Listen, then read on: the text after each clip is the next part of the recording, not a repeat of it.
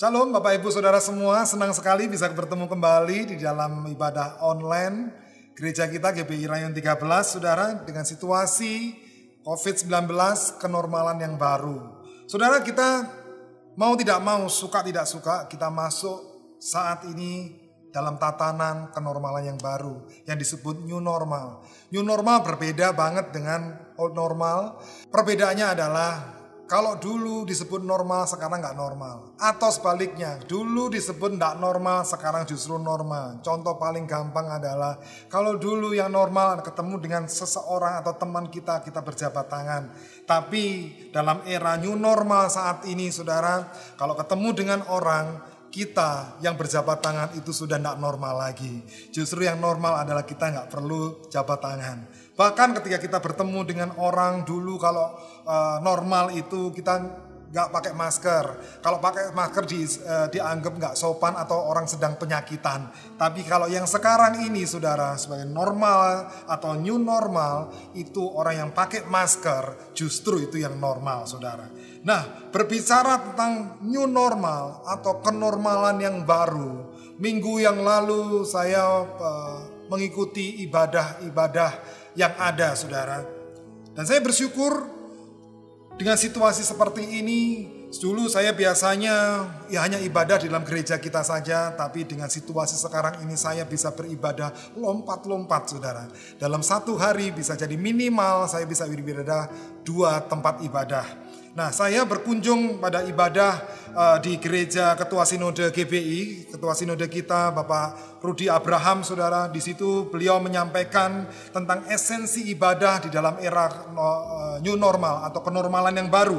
Dia sampaikan begini, esensi ibadah di sini ada pergeseran antara dari ritual menjadi relationship.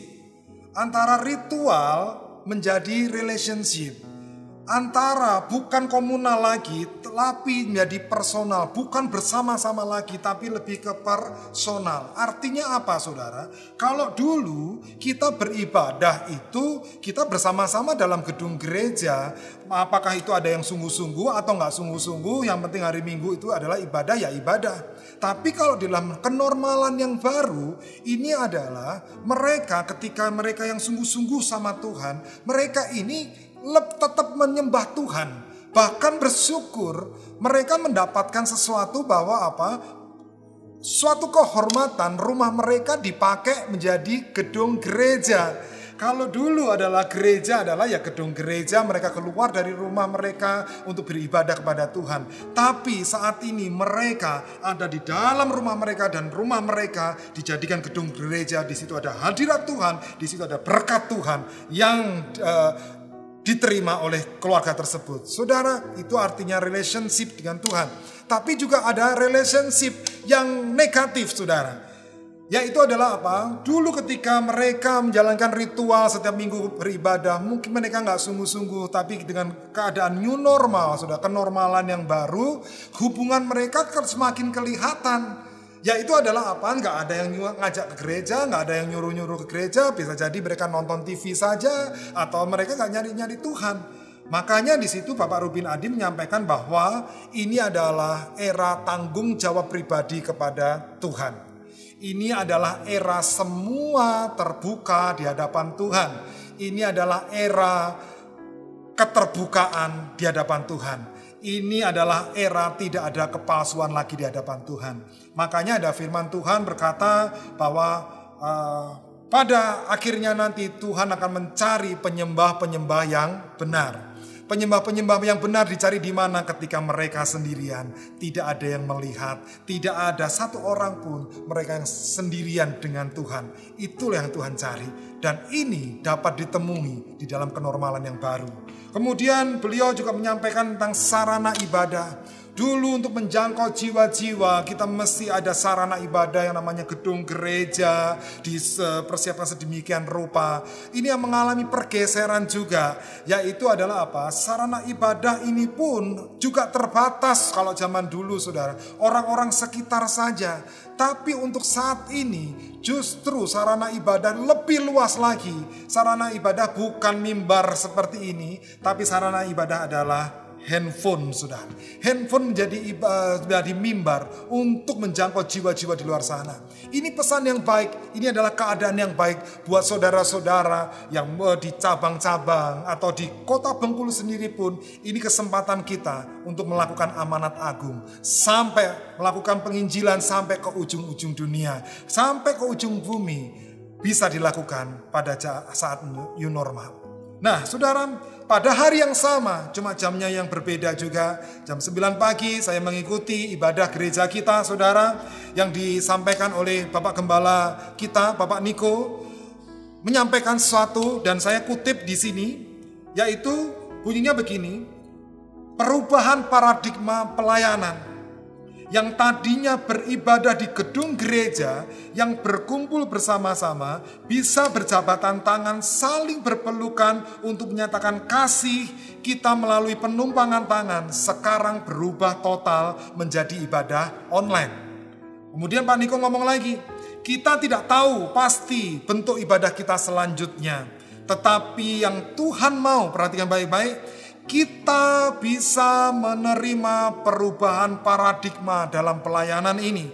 Karena sama seperti yang terjadi pada waktu itu dengan adanya perubahan paradigma, justru terjadi penuaian yang jauh lebih besar. Itu juga yang akan terjadi pada kita hari-hari ini.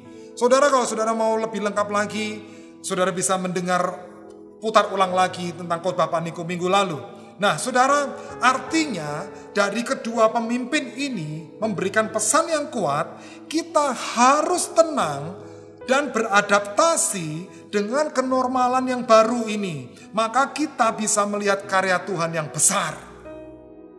Saya ulangi sekali lagi, ada pesan yang kuat dari bapak-bapak kita ini saudara, kita harus tenang nggak panik dengan situasi saat ini kenormalan yang baru semua seperti dibatasi. Sebenarnya tidak dibatasi justru ini lompatan kita untuk lebih maksimal lagi.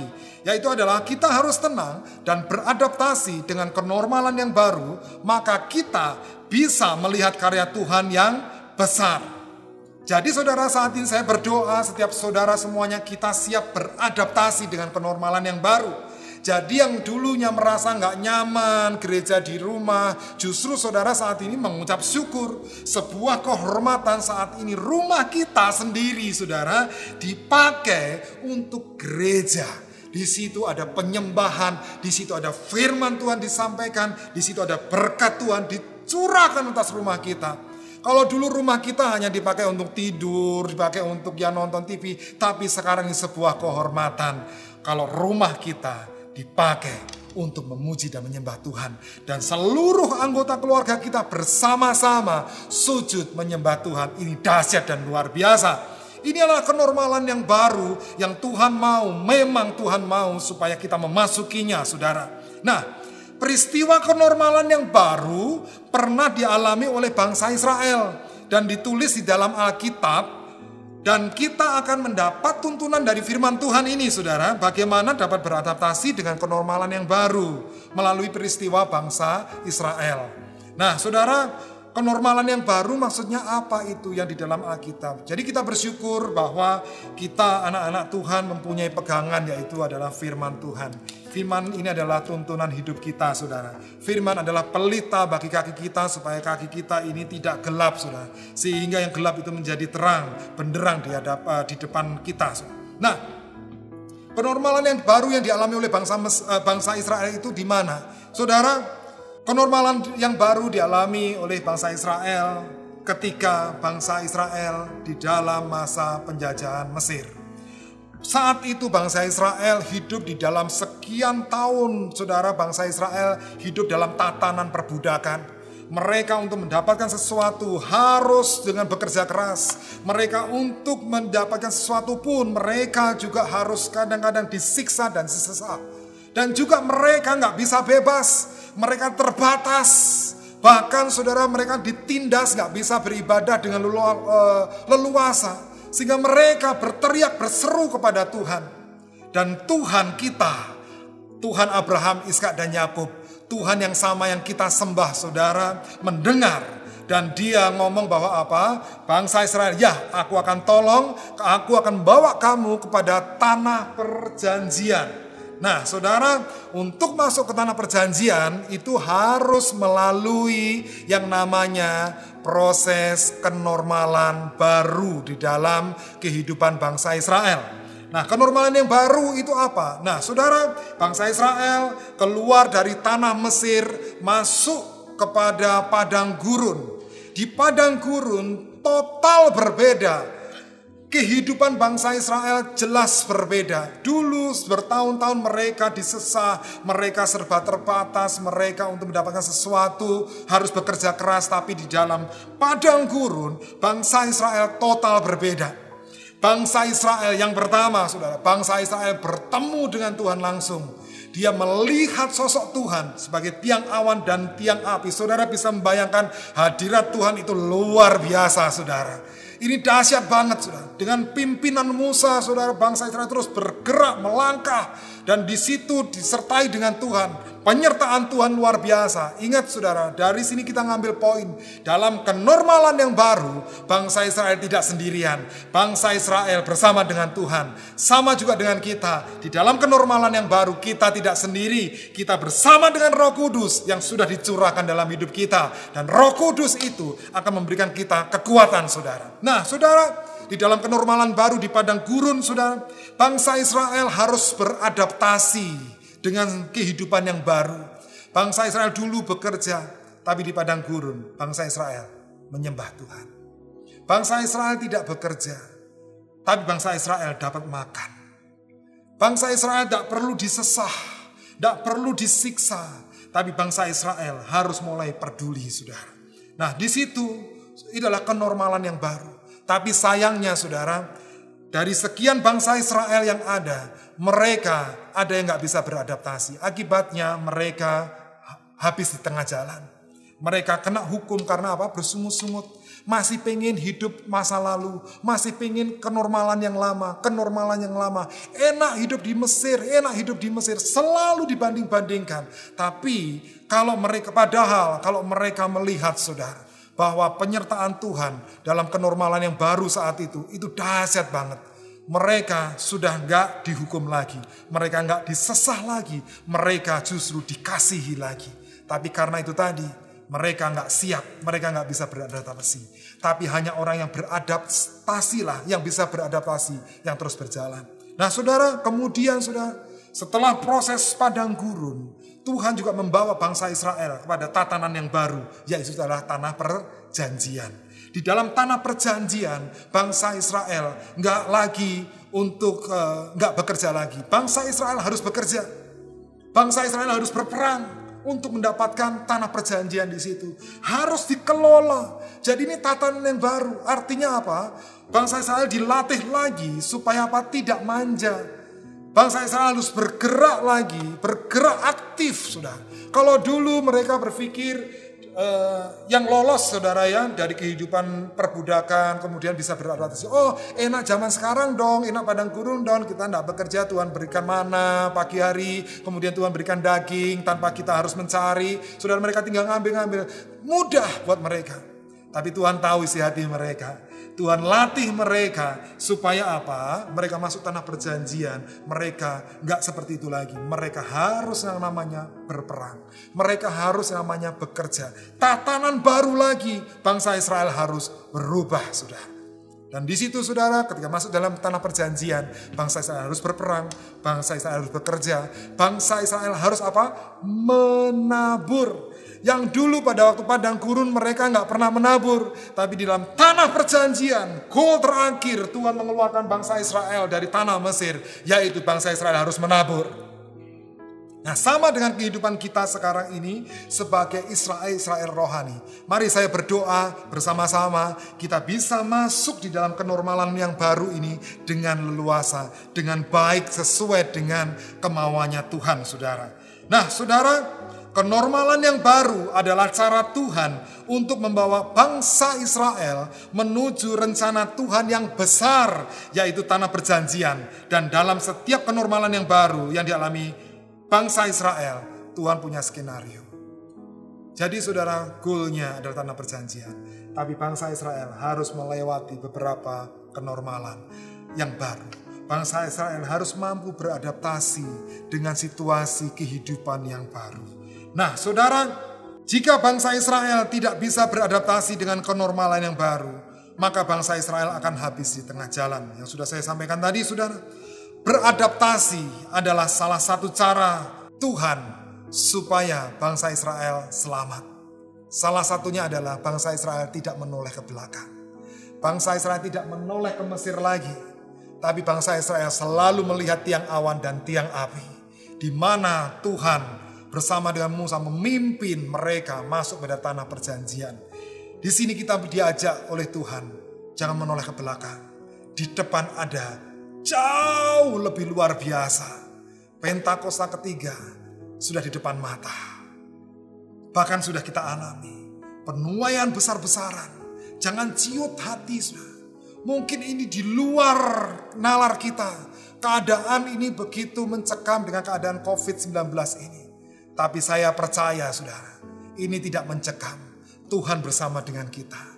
Sama juga dengan bangsa Israel ketika mereka masuk dalam tatanan baru. Ada gangguan-gangguan, mereka mungkin ketakutan. Tapi saudara kita percaya di situ bangsa Israel ada tiang awan dan tiang api yang menjaga. Sama dengan kehidupan kita saudara. Jadi saudara salah satu beradaptasi yaitu kita tidak menoleh ke belakang. Bangsa Israel tidak menoleh ke belakang. Justru saudara kalau kita menoleh ke belakang itu sesuatu hal yang Tuhan tidak suka. Ingat ceritanya istri Lot dia menoleh ke belakang, maka dia menjadi tiang garam. Dan di dalam perjanjian baru, Rasul Paulus juga menulis, Aku melupakan apa yang ada di belakangku, apa yang aku pernah kerjakan, keberhasilan, kelemahan, apa pun kondisi kita, semua ditinggalkan oleh Rasul Paulus. Tapi Rasul Paulus melihat ada satu panggilan yang luar biasa, yaitu tujuan hidup kita adalah Yesus Kristus. Saudara, hari ini kita belajar tentang sesuatu bahwa kita mesti masuk dalam kenormalan yang baru. Kenormalan yang baru Tuhan izinkan terjadi. Karena apa saudara? Kita mesti percaya bahwa tidak ada sesuatu yang kebetulan terjadi. Semuanya Tuhan sudah punya skenario. Tuhan tidak membiarkan kita sendirian saudara. Jadi yang saat ini saudara di rumah atau saudara yang mungkin keadaan saudara tidak baik. Saudara mungkin juga sedang sakit. Percayalah, jangan takut ada Tuhan bersama dengan kita. Tuhan sangat mengasihi kita. Roh Kudus dicurahkan untuk kita untuk memberikan kekuatan dan kelimpahan. Nah, saudara, dari ini semuanya firman Tuhan hari ini saya berikan judul adalah beradaptasi dalam dimensi yang baru.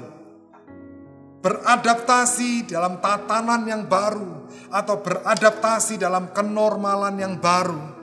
Caranya bagaimana? Caranya kita belajar dari bangsa Israel tadi. Dari sekian banyak orang bangsa Israel, banyak orang-orang yang tertinggal dan banyak orang yang berhasil juga masuk tanah perjanjian. Salah satunya adalah Yosua dan Kaleb, saudara. Kita belajar dari kehidupan itu, saudara. Mari kita buka di dalam keluaran pasal yang ke-33 ayat yang ke-15. Keluaran pasal yang ke-33 ayat 15 bunyinya begini.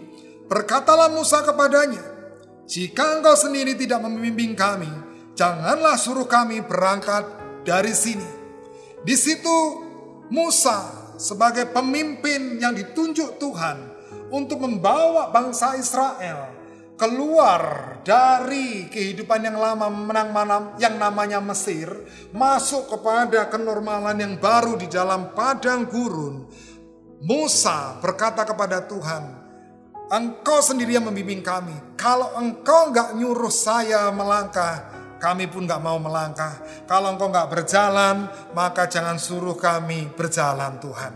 Dan kita pernah mendengar dan kita sering memujikan itu saudara ada pujiannya.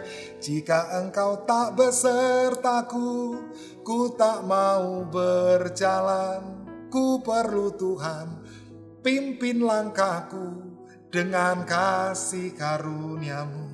Saudara, untuk dapat kita beradaptasi di dalam kenormalan yang baru, yang pertama caranya adalah mengasihi Tuhan. Di dalam mengasihi Tuhan, di situ ada kita bergantung penuh pada Tuhan.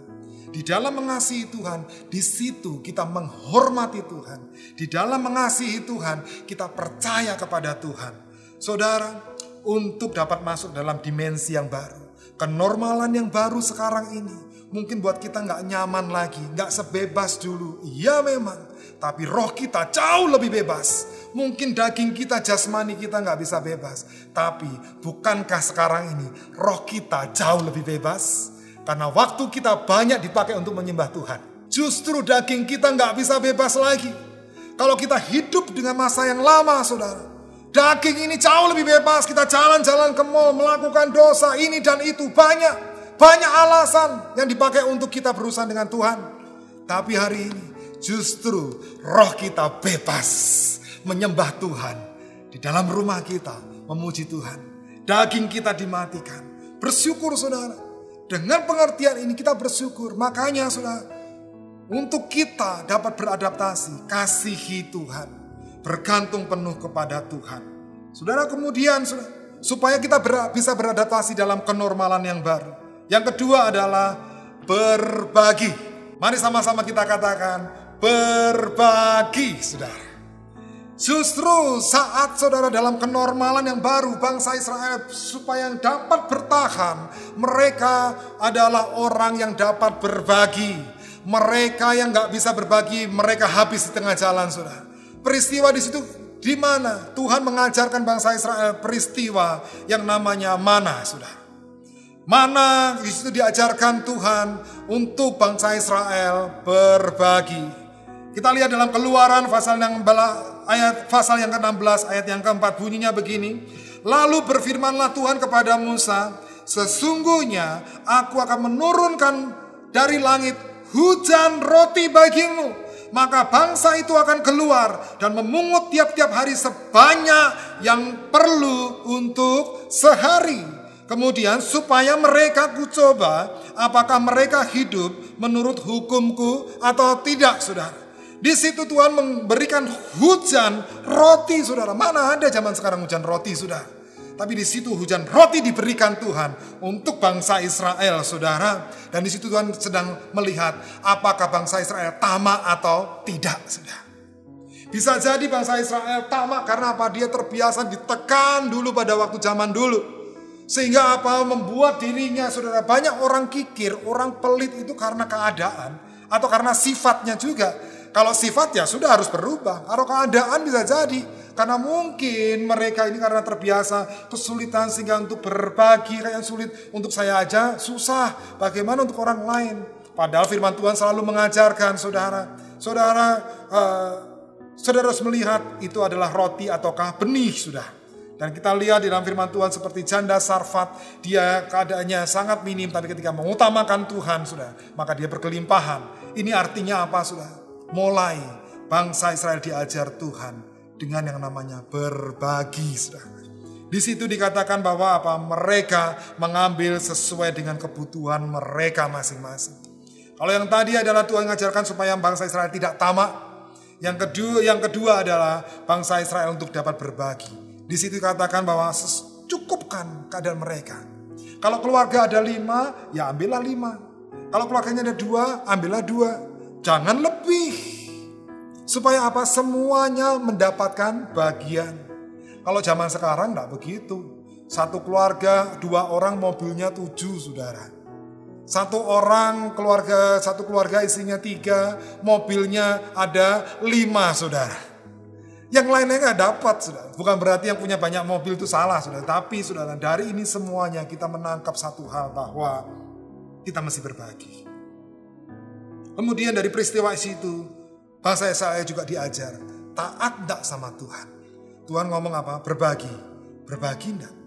Nah hari-hari ini saudara dengan peristiwa COVID-19 ini gereja mengajar kita, mengajak kita untuk kita jemaat sebenarnya untuk diajak dewasa. Gereja bukan butuh saudara, uang saudara untuk diberikan. Tidak begitu. Gereja adalah milik Tuhan. Tuhan pasti mencukupkan.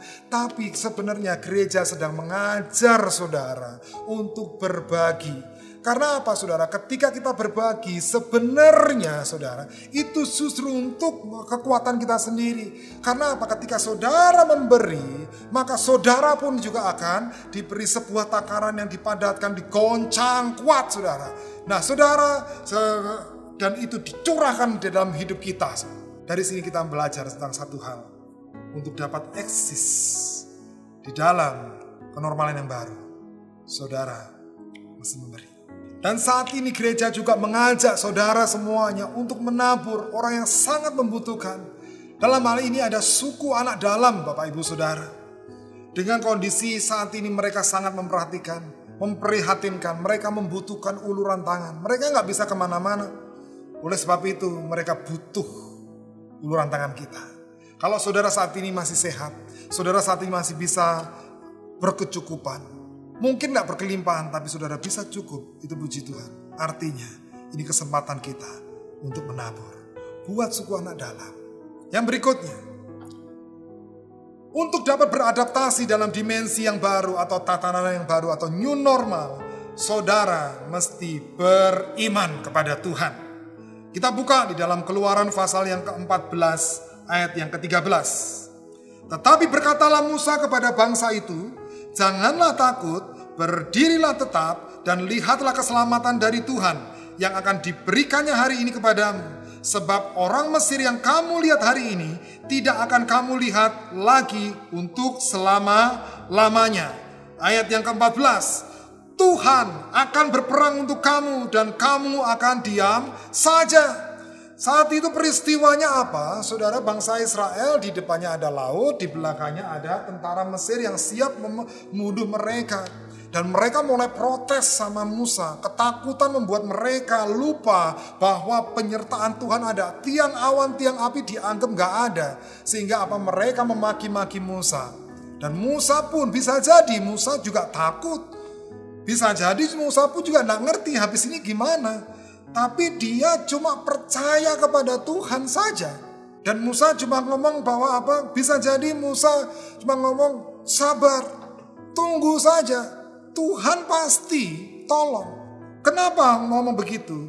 Karena Musa tahu bahwa Tuhan sangat mengasihi dia. Dan Musa juga mengasihi Tuhan. Makanya Musa berkata di dalam ayat 14, Tuhan akan berperang untuk kamu dan kamu akan diam saja. Dan akhirnya Tuhan memang berfirman. Musa suruh ngangkat, ngangkat tongkat dan laut itu terbuka saudara. Bisa jadi Musa tidak ngerti pertolongan di depan ada apa. Bisa jadi saudara Musa tidak ngerti harus berbuat apa. Tapi yang dia tahu Tuhan baik pada dia. Tuhan baik pada Israel. Tuhan yang mengeluarkan bangsa Israel, Tuhan yang akan Tuhan yang memulai, Tuhan juga akan yang menyelesaikannya, Saudara. Kemudian juga akan bertanya, Pak, bagaimana kalau saya nggak punya iman seperti Musa? Itu kan Musa, Pak. Kalau saya bagaimana? Saya orang biasa. Saudara, firman Tuhan dalam Roma pasal yang ke-10 ayat yang ke-17 bunyinya begini. Jadi, iman timbul dari pendengaran dan pendengaran oleh firman Kristus. Saudara-saudara tidak punya iman. Firman Tuhan berkata, ini ayat buat saudara. Jadi iman timbul dari pendengaran dan pendengaran oleh firman Kristus. Artinya apa? Saudara yang merasa nggak punya iman, saudara harus banyak membaca Alkitab. Saudara harus banyak mendengar firman Tuhan. Firman itu ngomong, firman itu berbicara kepadamu. Maka dari hidupmu, dari hati muncullah iman. Makanya saat ini saudara mulai saring. Apa yang saudara baca, apa yang saudara dengar. Saudara jangan baca media sosial terus. Saudara jangan terus mendengar kabar-kabar yang negatif terus, saudara. Mulai saat ini, saudara, dengarlah Tuhan ngomong. Bacalah firman Tuhan, maka engkau akan mempunyai iman. Engkau akan mendengar Tuhan sedang berkata, ini aku nak. Kemudian yang terakhir saudara, bagaimana supaya kita dapat beradaptasi di dalam kenormalan yang baru. Yang terakhir adalah taat dan melangkah saudara. Kita mesti taat, gak cuma taat saja, tapi saudara mesti melangkah. Ingat, iman tanpa perbuatan adalah mati. Oleh sebab itu kita mesti taat dan melangkah saudara. Kita lihat di dalam Yosua pasal yang ke-18 ayat 3. Sebab itu berkatalah Yosua kepada orang Israel, Berapa lama lagi kamu bermalas-malas? sehingga tidak pergi menduduki negeri yang telah diberikan kepadamu oleh Tuhan, Allah nenek moyangmu. Peristiwa ini sudah bukan di padang gurun, saudara. Ini adalah sudah masuk pada namanya tanah perjanjian. Nah, di dalam tanah perjanjian ini adalah kenormalan yang baru. Dulu ketika di padang gurun, bangsa Israel hanya berjalan memuji Tuhan, berjalan memuji Tuhan, diajar untuk menyembah Tuhan. Tapi itu pun banyak yang lolos, banyak yang juga habis di tengah jalan. Dan sampai tanah perjanjian habis yang lain di dalam Mesir, sudah. Nah saudara, hari ini Tuhan sedang mengingatkan kita semuanya. Jangan hidup pada masa lalu, hiduplah masa depan bersama dengan Tuhan. Dan untuk itu saudara mesti beradaptasi dalam kenormalan yang baru. Dalam Yosua pasal yang ke-18 ayat ketiga di sini Yosua mengajak suku Israel saat itu tersisa tujuh suku yang males nggak mau ngambil. Saudara tanah perjanjian tatanannya berbeda. Tanah perjanjian untuk mengambil sesuatu saudara harus mengelolanya. Untuk masuk dalam fase tanah perjanjian, saudara mesti menabur. Selain saudara menabur, saudara bangsa Israel mesti berperang. Selain berperang, bangsa Israel mesti mengelolanya. Artinya apa? Tuhan tidak mau bangsa Israel males. Kalau proses padang gurun adalah persiapan. Dan Tuhan sedang menunjukkan bahwa dia sangat mengasihi bangsa Israel. Dia memberikan sosoknya, eh ini aku, aku akan menyertai engkau. Ini sosoknya yang penuh kasih. Tapi dalam tanah perjanjian, Tuhan sedang berjalan bersama bangsa Israel. Ini tanah yang aku janjikan buat engkau.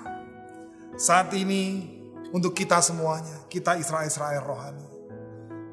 Tuhan akan membawa kita kepada tanah perjanjian sebagai Israel rohani. Tuhan Yesus akan segera datang. Dan sebelum Tuhan Yesus datang, Pentakosta ketiga, penuaian jiwa-jiwa besar, besar untuk menuai besar-besaran, diperlukan kita melakukan amanat agung. Pergi, beritakan Injil ke seluruh dunia. Dan dalam kenormalan yang baru, ini yang memungkinkan untuk kita pergi. Pakai handphone saudara, pakai media sosial saudara, untuk bisa masuk, untuk bisa melakukan penginjilan, memberitakan firman Tuhan. Tanpa saudara harus keluar dari rumah saudara. Keluar biaya banyak. Pak, bagaimana kalau saya gaptek? Justru di situ saudara mesti harus beradaptasi. Saudara mesti harus mengikuti perubahan ini, kenormalan yang baru ini. Jangan terus tinggal di dalam kegaptekan saudara. Jangan terus tinggal kepada masa lalu saudara. Oh dulu gini aja bisa pelayanan kok. Tidak saudara. Ini waktunya sudah sangat singkat. Kita harus lebih cepat lagi untuk menjangkau jiwa bagi kerajaan surga. Amin, Bapak Ibu Saudara. Jadi dari ini semuanya Tuhan mengingatkan kita semua bahwa mari tidak ada sesuatu yang kebetulan. Tuhan sudah merencanakan sedemikian rupa kenormalan-kenormalan yang baru yang dialami oleh bangsa Israel. Tujuannya adalah tanah perjanjian. Tuhan juga pun juga sama dengan hal itu. Yaitu Yerusalem baru sama dengan kehidupan kita. Tuhan Yesus memberkati. Mari tutup Alkitab saudara. Saya akan berdoa buat saudara. Terpujilah nama Tuhan, terpujilah nama Tuhan. Bapak di surga terima kasih Tuhan untuk kesempatan pagi siang hari ini ya Tuhan. Terima kasih Tuhan namamu sudah selesai menyampaikan isi hatimu. Tapi biarkan saat ini Israel-Israel rohani di mana pun mereka berada. Yang kau kasihi di rumah-rumah mereka. Biarkan saat ini mereka menangkap sesuatu. Biarkan menangkap sesuatu dan mereka berbangkit kembali untuk sudah Tuhan untuk menyongsong kenormalan yang baru bersama dengan Tuhan. Untuk mereka bangkit dalam kehidupan mereka yang lama, masuk pada kehidupan mereka yang baru. Terima kasih Tuhan, terima kasih. Biarkan firman ini Tuhan menguatkan setiap mereka semuanya. Menyadarkan mereka untuk sungguh-sungguh untuk mengasihi Tuhan. Terpujilah nama Tuhan, terpujilah nama Tuhan. Mari Bapak Ibu Saudara yang di rumah, yang saat ini di mana pun saudara berada, angkatlah kedua tanganmu di hadapan Tuhan dan terimalah berkat dari Tuhan. Kiranya kasih karunia yang berlimpah-limpah yang datangnya dari Allah Bapa kita di surga dan cinta kasih dari Tuhan kita Yesus Kristus bersama persekutuan yang manis dengan Roh Kudus yang sudah memberkati kita, sudah menyertai kita mulai hari ini sampai selama-lamanya. Tuhan Yesus memberkati. Sama-sama kita katakan, amin.